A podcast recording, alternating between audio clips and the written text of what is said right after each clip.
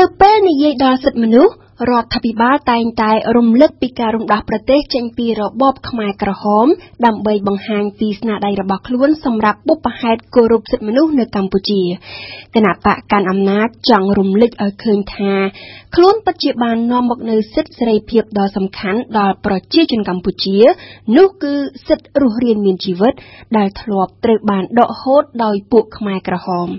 សម្រាប់គណៈបកកាន់អំណាចសមិទ្ធផលទាំងឡាយដែលប្រជាជនកម្ពុជាមាននៅពេលនេះគឺបានមកដោយសារតែថ្ងៃ7មករាហេតុផលនេះមិនខុសឡើយពីព្រោះថា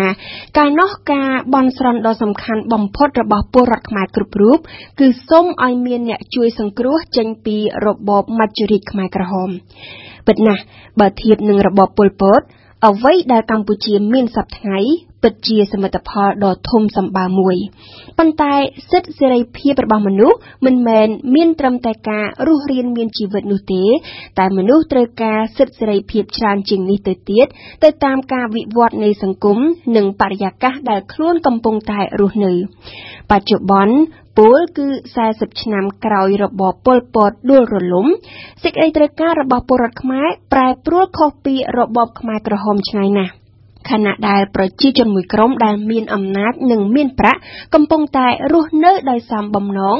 ប្រជាជនខ្មែរមួយក្រុមទៀតដែលជាអ្នកក្រីក្រ ជាពិសេសអ្នករងគ្រោះដោយសារតែបញ្ហាដីធ្លី និងដោយសារតែបញ្ហាអយុត្តិធម៌សង្គមផ្សេងទៀតគឺនៅតែមានអារម្មណ៍ថា ខ្លួនកំពុងតែរស់នៅក្នុងសង្គមបរិយាកាសដែលរងការរំលោភបំពានសិទ្ធិមិនខុសឆ្ងាយពី40ឆ្នាំមុនប៉ុន្មានឡើយនេះនៅមិនទាន់រាប់ដល់សិទ្ធិក្នុងការធ្វើនយោបាយ សិទ្ធិបញ្ចេញមតិនិងសិទ្ធិទទួលបានប្រាក់កម្រៃសមរម្យផងទេមានមូលហេតុច្រើនយ៉ាងដែលបណ្ដាលឲ្យមានការរំលោភសិទ្ធិមនុស្សនៅកម្ពុជាប៉ុន្តែមូលហេតុសំខាន់ជាងគេ គឺបណ្ដាលមកពីមន្ត្រីមានអំណាច ដើរមិនទាន់សភាពការវិវត្តរបស់ប្រទេសជាតិ 40ឆ្នាំកន្លងផុតទៅ មន្ត្រីមួយចំនួន ជាពិសេសគឺមន្ត្រីអាជ្ញាធរមូលដ្ឋានតែម្ដង គឺនៅតែគិតថា អំណាចអាចធ្វើអ្វីក៏បាន ហើយពួកគេនៅតែប្រើវិធីគ្រប់គ្រងមនុស្សតាមបែបចាប់បង្ខំដដែលជាក់ស្ដែង សមត្ថកិច្ចខ្លះនៅតែប្រើវិធីគំរាមកំហែងកុំឲ្យពលរដ្ឋប្រឆាំងតវ៉ាជាមួយខ្លួនអាជ្ញាធរនៅតែប្រើវិធីរារាំងសូម្បីតែការដើរដង្ហែក្បួនដោយសន្តិវិធី ដែលមានមនុស្សតែប៉ុន្មានសិបនាក់ចូលរួម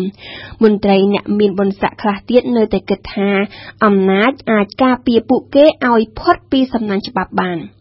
ផ្នត់គំនិតទាំងនេះមិនត្រឹមតែជាបុព្វហេតុនាំឲ្យមានការរំលោភសិទ្ធិមនុស្សប៉ុណ្ណោះទេ តែវាក៏ធ្វើឲ្យវប្បធម៌និទានភាពបន្តមានអធិភាពមិនងាយកោះរំលើងឲ្យអស់ពីកម្ពុជាផងដែរនិយាយដោយខ្លីអ្នកនយោបាយឬមន្ត្រីអាជ្ញាធរមួយចំនួន ហាក់ដូចជាទទួលបានផ្នត់គំនិតថ្មីតាមបែបប្រជាធិបតេយ្យតែជាងប្រជាពលរដ្ឋរបស់ខ្លួនផងដូច្នេះដើម្បីលើកស្ទួយការគោរពសិទ្ធិមនុស្សនៅកម្ពុជា គេត្រូវផ្ដើមពីការផ្លាស់ប្ដូរផ្នត់គំនិតរបស់អ្នកនយោបាយ និងជាពិសេសគឺមន្ត្រី និងអាជ្ញាធរមានអំណាចតែម្ដង របៀបដឹកនាំដែលបង្ខំឲ្យគេជឿរឿងខុសថាជារឿងត្រូវ លែងមានប្រសិទ្ធភាពទៀតហើយ នៅក្នុងបរិបទដែលប្រជាពលរដ្ឋយល់ដឹងច្រើនជាងមុនរីឯការលាក់បាំងព័ត៌មានក៏មិនអាចទៅរួចទៀតដែរនៅក្នុងបរិបទដែលបណ្ដាញផ្សព្វផ្សាយព័ត៌មាន និងបណ្ដាញសង្គមមានលក្ខណៈរីកដុះដាលព្រោងព្រាតដូចសប្តាហ៍នេះសរុបមកវិញ អំណះតទៅប្រសិទ្ធភាពនៃការដឹកនាំគឺស្ថិតនៅលើការព្យាយាមស្វែងយល់ពីសេចក្តីត្រូវការរបស់ពលរដ្ឋនិងឆ្លើយតបតាមតម្រូវការជាក់ស្ដែងរបស់ពួកគេឲ្យបានសមរម្យនេះគឺជាវិញ្ញាសាប្រជាធិបតេយ្យនិងសិទ្ធិមនុស្សដែលអ្នកនយោបាយត្រូវតែប្រឡងប្រជែងគ្នា អ្នកណាឈ្នះនៅក្នុងវិញ្ញាសានេះនឹងទទួលបានការផ្ដល់ពិន្ទុល្អពីប្រជាពលរដ្ឋម្ចាស់ឆ្នោតរីឯអ្នកចាញ់នឹងត្រូវគេផាត់ចេញពីសង្វៀននយោបាយជាស្វ័យប្រវត្តិ